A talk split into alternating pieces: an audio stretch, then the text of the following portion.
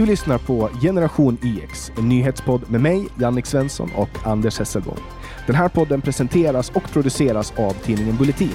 Om du vill vara först med att höra nya avsnitt av Generation EX får du tillgång till dessa genom att bli pluskund på bulletin.nu. Då får du samtidigt tillgång till allt premiummaterial och alla Bulletins poddar före alla andra. Du kan ladda hem Bulletins app gratis och du hittar länkar i beskrivningen till det här avsnittet eller på vår hemsida www.genyx.se. Då var vi här igen, du som lyssnar, lyssnar på Generation EX. Och det har du ju förhoppningsvis hört om du har lyssnat på introt. Är det så att du har spolat förbi introt och inte vet vilken podd du lyssnar på så lyssnar du på Generation EX. Då får de spola längre och längre nu då. Ja, exakt. Hej Jannik! Hej Anders, hur är läget? Tackar för frågan, bara fint. Du har ju rätt eh, om en grej som vi har pratat om tidigare och det är det här att det finns ju verkligen politiker som skarpt ogillar varandra. Och backar vi några avsnitt, då pratade jag om att ja, men Gustaf Fridolin och Jimmy Åkesson dricker bärs och du säger nej, nej, nej, de dricker inte bärs. Och jag skulle vilja ge dig rätt om det. Apropå det här med politiker som ogillar varandra, Finanspolitiska rådet, de släpper en ekonomisk rapport med jämna mellanrum till finansministern. Och det här hade då Magdalena Andersson, när hon inte riktigt fick som hon ville där, så hade hon blivit väldigt irriterad. Och jag undrar, skulle du vara okej, okay, Jannik, om vi lyssnar på några, ett litet ljudklipp här?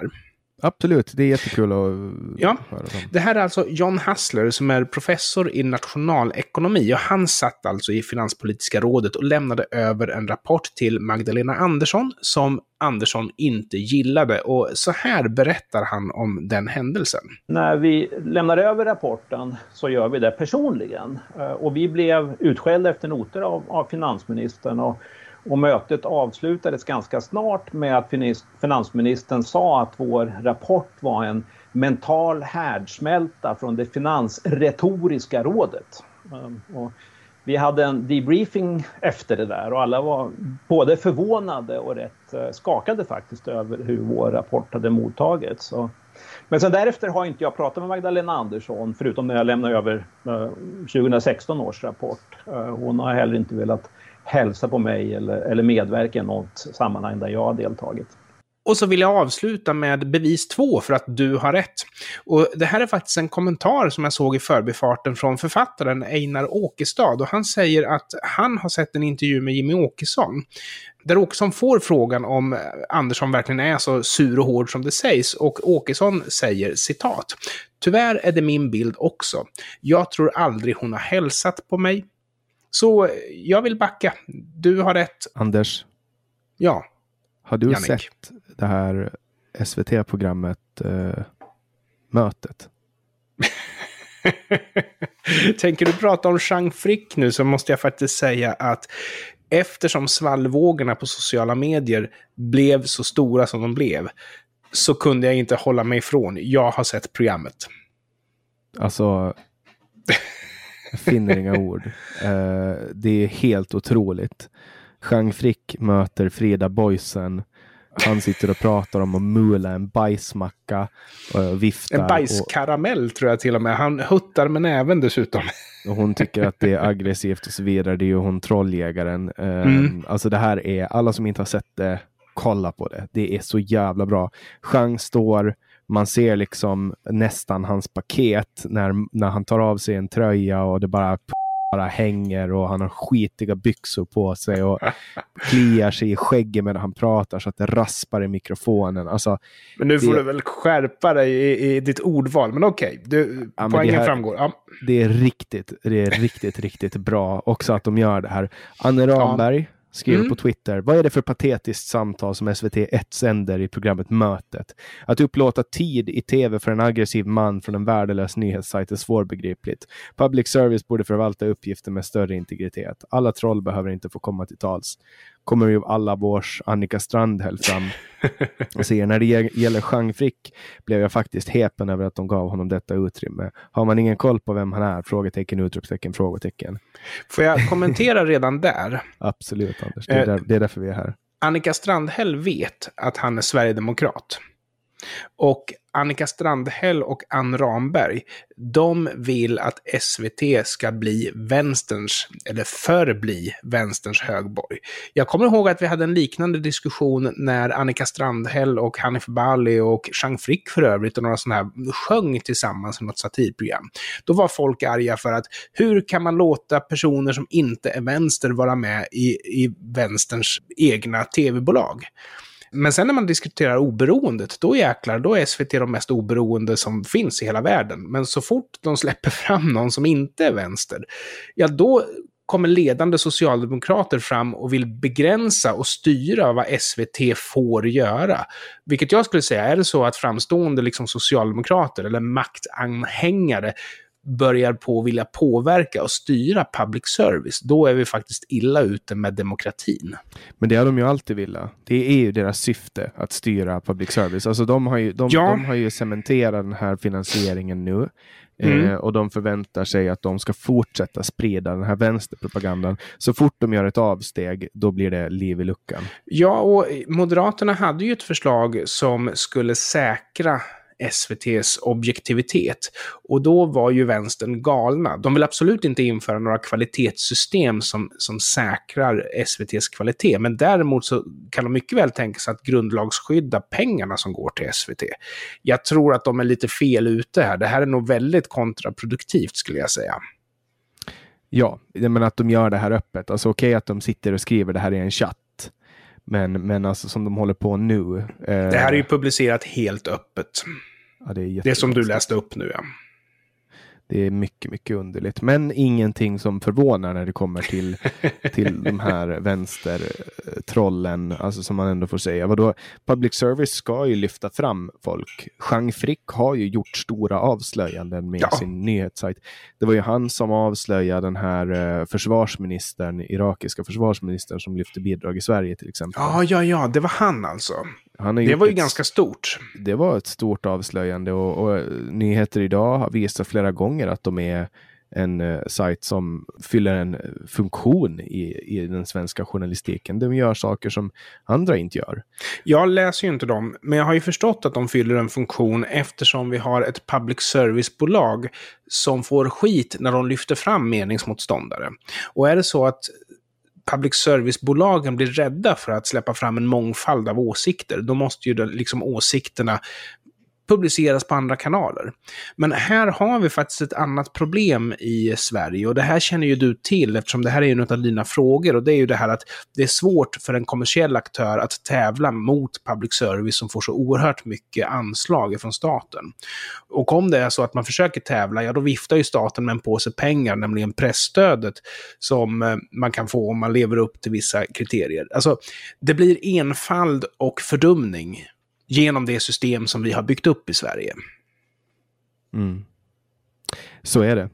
Det är alltså public service har ju sedan, vad är det, två år tillbaks säkrats. Deras finansiering är säkrad nu av lag. Alla partier röstade för. Jag vet inte hur det var med Sverigedemokraterna, men alla- andra röstade ju för.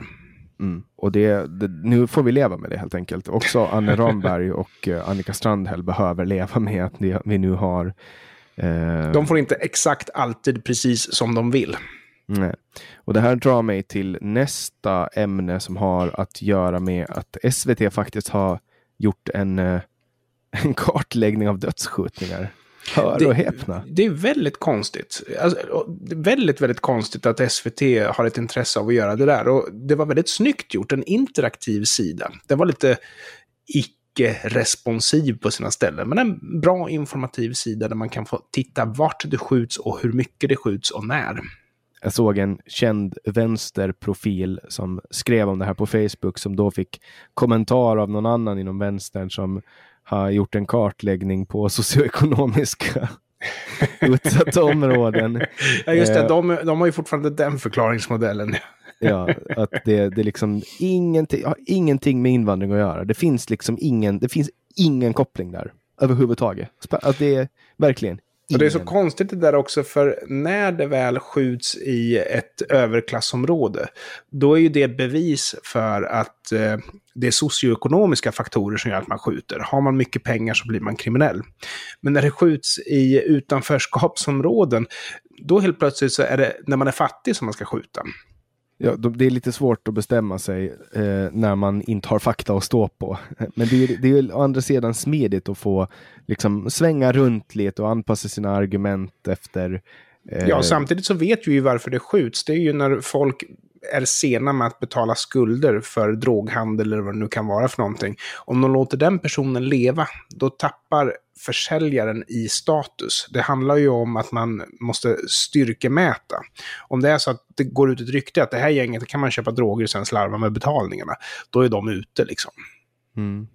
Och det här kan man ju knyta an då till eh, folk pratar ju om, om flyktingmottagande och att det har mm. eh, lett till det här. Och det är ju ingen orimlig tes alltså att se att, att det kommer in mycket människor från andra områden än Sverige med sina egna normer, sina egna värderingar.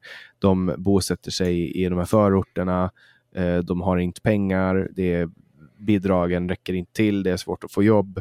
Eh, och sen kommer liksom den här extremt lukrativa eh, droghandeln in i bilden, det skapas gäng, folk bygger sin egen samhörighet genom gäng. Och sen finns det ju folk då 2021 som P.O. Hansen som anser att, eh, att man kan ha hög invandringsnivå eh, och eh, ändå froda ekonomiskt. Han mm. menar alltså att eh, flyktinginvandringen kostar inte Sverige. Han menar att den bidrar med åtskilliga reella och samhällsbärande resurser. Eh, det här stämmer ju inte. Eh, Nej, jag läste ju bara pressreleasen. Det här är alltså en bok som man har skrivit och boken har jag inte läst, men jag läste pressreleasen. Och den här och, boken släpptes i, i våras då, vintervåras. Okay. Och det finns alltså en glidning här i att när han förklarar varför invandringen så som den har skett i, till Sverige, jag menar invandring i sig är ju inte någonting dåligt, det är ju bara att vi får titta på summan av hur vi har tagit emot invandrare. Då glider han över till att förklara bidragstagandet som sådant. Så den här pressreleasen, den behöver inte prata om invandrare överhuvudtaget, utan den försvarar egentligen bidragstagande. Om jag får läsa en mening eh, innan till här så står det citat. En stats utgifter, påpekar han, kan inte beräknas på samma sätt som ett hushålls utgifter och inte uttryckas i samma termer.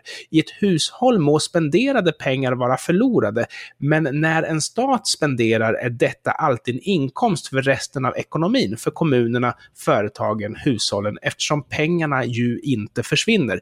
Jo, pengarna försvinner alla pengar som staten betalar ut som inte är värdeskapande, alltså du har uppfunnit Windows 95 så har du värdeskapat du har gett pengar till någon som inte kan försörja sig själv för att den ska kunna betala sin hyra, då har pengarna inte värdeskapat. Alla de pengarna gör att Sverige hamnar sämre i konkurrensen med utlandet, där du kanske har mer värdeskapande pengar som cirkulerar i ekonomin, vilket i slutändan leder till att Sverige blir av med mer pengar än vad de får in. Och det här skapar det vi kallar för välfärdsunderskottet, för svensk välfärd bygger på att vi får in mer pengar i landet än vi blir av med. Vi har alltså en väldigt dyr och väldigt kostsam välfärd, men vi har kunnat haft det på grund av att vi har legat väldigt långt fram tekniskt och när det gäller kunskap och sådana saker. En av de faktorerna som gjorde att Grekland sjönk som en sten var att de också hade en väldigt extensiv. De hade välfärd. för lite flyktingar, Anders. Nej, men de hade liksom låg pensionsålder, bra sjukvård, men de var inte värdeskapande nog.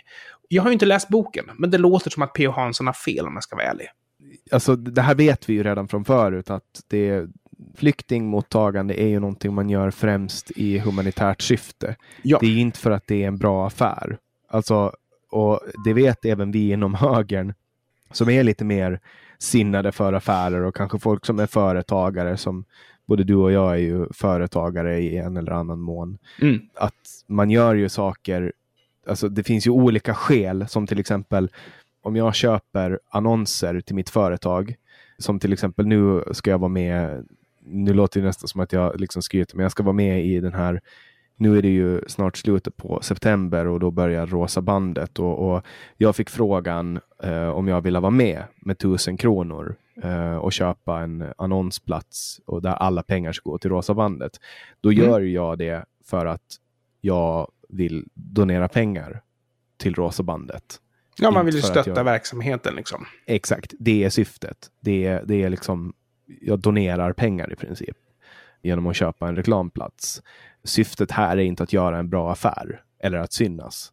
Det är stor skillnad på vad man gör med sina pengar och eh, mm. alltså att ens sitta och försöka bevisa tesen att flyktinginvandring gynnar samhällsekonomin.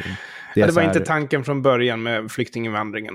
Ja, men, eh, exakt, och jag tror bara att det här handlar om att, att han är P.O. Hansen, precis som Vänsterpartiets chefsekonom Sandro Scocco. Ja, just det, han ja. Mm. De, det är de som försöker lyfta fram den här tesen, medan alla andra vet att, att mm. vi gör flyktinginvandring för att det är schysst, för att det är rätt sak att göra. Vi gör det inte för att tjäna pengar. Men jag tror att de vill få det till ett lyckat projekt för att inte projektet ska avbrytas. För hade det varit så att vi hade haft en fungerande integration, då hade ju flyktinginvandringen också varit gynnsam. Men där är vi inte. Men då handlar det om att sätta driven politik i ett positivt ljus så att ingen ändrar på villkor och regler behålla status quo liksom. Ja, sen har det ju visat sig att de här invandrarna som får svenskt medborgarskap i hög grad röstar på socialdemokrater. Det är bra. Eh, och, och det går fyra år mellan varje val och vad tar det fem år att bli svensk medborgare? Så att vartannat val så får man ett ganska stort tillskott på, på röster och ser man då till att, att förlora mindre röster än vad man får nytillskott, då kommer socialdemokratin att fortsätta växa. Och det är inte så svårt att göra den matematiken och man behöver inte Nej. vara mycket konspiratoriskt. Det är bara att kolla på det bara att kolla på förra valet och hur man röstar i utsatta områden. Ja, vi vet 90, ju också... 90 procent socialdemokratiskt, Vänsterpartiet, Miljöpartiet. Ja, vi vet ju också om att eh, Socialdemokraterna har ju en helt annan information på arabiska än på svenska. Och det är ju smart av dem, för om det är så att eh, de påståenden som görs på arabiska görs på svenska, då kan jag som medborgare granska de påståenden och säga vänta här, det här är fel. Men en person som inte kan svenska är ju offer för den propaganda man utsätts för. Var det den här lilla detaljen att eh, de andra partierna skulle skicka hem dem, eller? Ja, om Moderaterna tar makten så kommer de att beslagta era barn och sådana här saker. Det var liksom allt möjligt. Ja, yes. Och apropå Yes, eh, det finns faktiskt ett rockband som heter Yes, som, ja det känner ju folk till, de har varit igång sedan 60-talet och de gjorde ju en enorm succé i början på 70-talet med Close to the Edge och Tales from Topographic Oceans och sådär. Och de blev ju dessutom kommersiellt framgångsrika på 80-talet med hits som till exempel Owner of a Lonely Heart. De har ju hållit på väldigt länge. Är de lika bra som diskmedlet? Ja, jag skulle vilja säga att Yes är bättre, men idag kanske diskmedlet vinner. Det finns, det, ju, inget, det finns ju inget diskmedel som är bättre än Yes. Som nej, inte ens heter Yes längre men det finns säkert progressiva rockband som är bättre än Yes. Det har varit ett av mina favoritband, så men jag har lite grann vänt om ryggen därför att de har sparkat sin leadsångare och han var som viktig del av bandet. Och sen har de fortsatt att turnera och släppt skivor och sånt där. Och nu är de alltså aktuella med ett, med ett nytt album. Quest heter albumet, en dubbelskiva. Och jag har faktiskt lyssnat på några singlar och det första jag vill säga här det är att det här är första gången i Yes långa historia, de har släppt massor med album, där de alltså släpper en skiva utan att någon av bandets originalmedlemmar är kvar. Och det är alltså första gången. Det borde vara olagligt. Ja, det, det, är nästan... Speciellt med tanke på hur pass många de är så borde ju någon originalsnubbe vara kvar. Då borde de ju heta... De borde ju byta namn till No istället. Ja, det gamla skämtet. Och jag har lyssnat på singlarna. Jag kan ju säga att Abbas singlar var bättre. Jag ger inte dem några fem tuppar inte, men Abbas singlar var bättre. Det här låter som en slätstruken kopia av Yes. Men du vet, det som förvånar mig det är ju att eh, man tycker det är värt att göra skivor, men det är väl kanske ett sätt att få folk att komma på konserten. Alan White som spelar trummor har ju varit med väldigt länge. Han är ju inte minst känd för att han eh, spelar trummor i Plastic Ono Band och han spelar trummor med John Lennon. Det är han som trummar på Imagine till exempel. Men, han är ju en väldigt prominent musiker och sådär, men han är ju inte deras originaltrummis faktiskt. Men, men det är väl kanske den mest prominenta medlemmen, möjligtvis Steve Howe också som spelar gitarr. Mm. Tänker du köpa skivan? Nej, du är inget Yes-fan. Jag är ingen stort Yes-fan faktiskt. Det... Då tar vi en snabbis till, men nu måste jag fråga dig. Vin på burk. Aluminiumburk som man psh, öppnar och sen så har man vin i den. Alltså, jag tycker ju att um, läsk i allmänhet är godare på flaska. Ja. Eh, jag har inte druckit vin på fem år. Nej. Det händer att jag dricker alkoholfritt vin. Ur flaska. Ja, alltså jag menar det finns ju vin på box. Ja, Eh. alltså, det, det jag kan tänka mig, vin på box, då har du ganska mycket liksom, syra som du måste lufta ifrån det där. Men generellt sett så, och det är ju för att den håller inte riktigt lika tätt. Liksom. Men generellt sett så, alltså, man är ju rädd att vinet ska skära sig. Men framförallt så är det det att vin ska ju vara en dryck som håller lite stil och finess. Jag menar att ha en enkorkad flaska är ju i sig, alltså det finns ju ett kontext i att du dricker vin. Det är ju inte en flaska Explorer liksom. Alltså ser du inte att man öpp, öppnar den, då är det väl kanske ingen fara. Kanske, faktiskt kanske. Det är väl alltså detsamma jag- om de som på box liksom. Men alla vet ju att det är godare att dricka läsk ur en glasflaska. Antar att det är samma med vin. Ja, så framförallt så är det väl så att eh, du dricker ju helst så har du ju hällt upp drycken på ett glas och spelar det egentligen ingen större roll varifrån den kommer. Och jag menar när det gäller öl så är det är klart det är alltid mysigare med en glasflaska, men men ölet har ju längre livslängd om den ligger på burk och du får ju liksom hälla upp det lite elegant i ett glas. Nej, det kommer nog inte hända. Jag kommer nog aldrig köpa det. Mm. Jag dricker ju inte alls någon form av vin överhuvudtaget. Däremot dricker jag ganska mycket, ganska mycket Pepsi.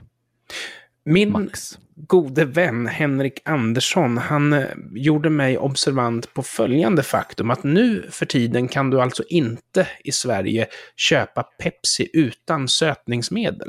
Han var väldigt upprörd just på grund av att Max finns ju, Pepsi Max finns ju redan. Varför ska riktig Pepsi ha sötningsmedel i sig? Det är väl bara en fördel om, de, alltså om det är så att de tar bort socker. För vi måste ju få ner sockerkonsumtionen på makronivå om vi ska ha någon förhoppning om att kunna dra ner sjukvårdskostnaderna. Fetma kostar ju extremt mycket eh, för samhället. Jag tror att det är knutet till det. Jag tror faktiskt att det här handlar om att förbereda för en sockerskatt. Därför att Pepsi har mindre socker i de länder som har infört sockerskatt. Samtidigt vänder man på det, jag som inte är en speciell, vad ska man säga, stordrickare av socker, eller av läsk överhuvudtaget. När jag väl tar en läsk, då vill jag ju att det ska vara socker i den och då kan jag liksom inte som svensk välja Pepsi längre. Ja, Jag menar, har- jag blandar du en har- god drink, då har du ju liksom sockerlag och såna här saker. Du har ju inte aspartam i en fin drink liksom.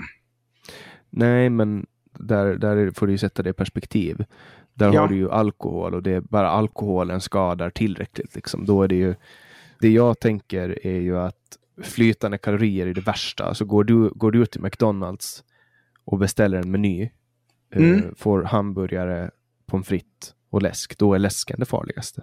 Ja, då kan jag glädja både dig och våra lyssnare om att det finns gränser i vad jag stoppar i min mun. Jag är en stor konsument av alkohol, för det, jag har enorm glädje av att ta en öl eller vin till maten. Jag dricker gärna öl mellan Du, måltiderna. du, håller ju, du håller ju alltid en viss promillenivå.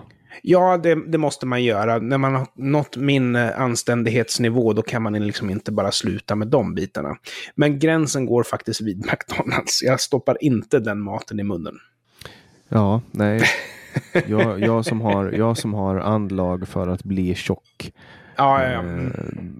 Eh, har liksom, jag, jag, dricker, jag håller mig till, till Pepsi Max, liksom. Cola Zero. Jag sitter faktiskt och sörplar på en eh, Cola Zero just nu. Jag har satt ett uh, litet sugrör i här och sitter och njuter. Då blir du inte drabbad av den här förändringen, för där gör de ingen förändring. Den har ju som sagt redan sötningsmedel istället för socker i sig. Mm. Jag tycker att vi sätter punkt där för dagen. Det passar alldeles utmärkt. Jag har en god fisk som står och väntar på mig. En, en eh, torskfilé som jag tänkte äta tillsammans med ett glas vitt faktiskt. Mm. Och jag tänkte väl eh, jobba inåt små timmarna. Jättestort tack Anders och jättestort tack till dig som har lyssnat på Generation YX. Jag hoppas att ni vill gå in och ta del av alla Bulletins poddar. Det kan ni göra genom att gå in på bulletin.nu och bli plusprenumerant. Då får ni lyssna på den här podden några dagar före, men ni får lyssna på alla poddar före och ni får den helt exklusiva podden Radio Bulletin med Dan Korn och Per Gudmundsson. Jag hoppas att vi hörs igen i en podd nära dig. Tack för mig och tack för dig Anders. Tack så mycket Jannik. Hej då!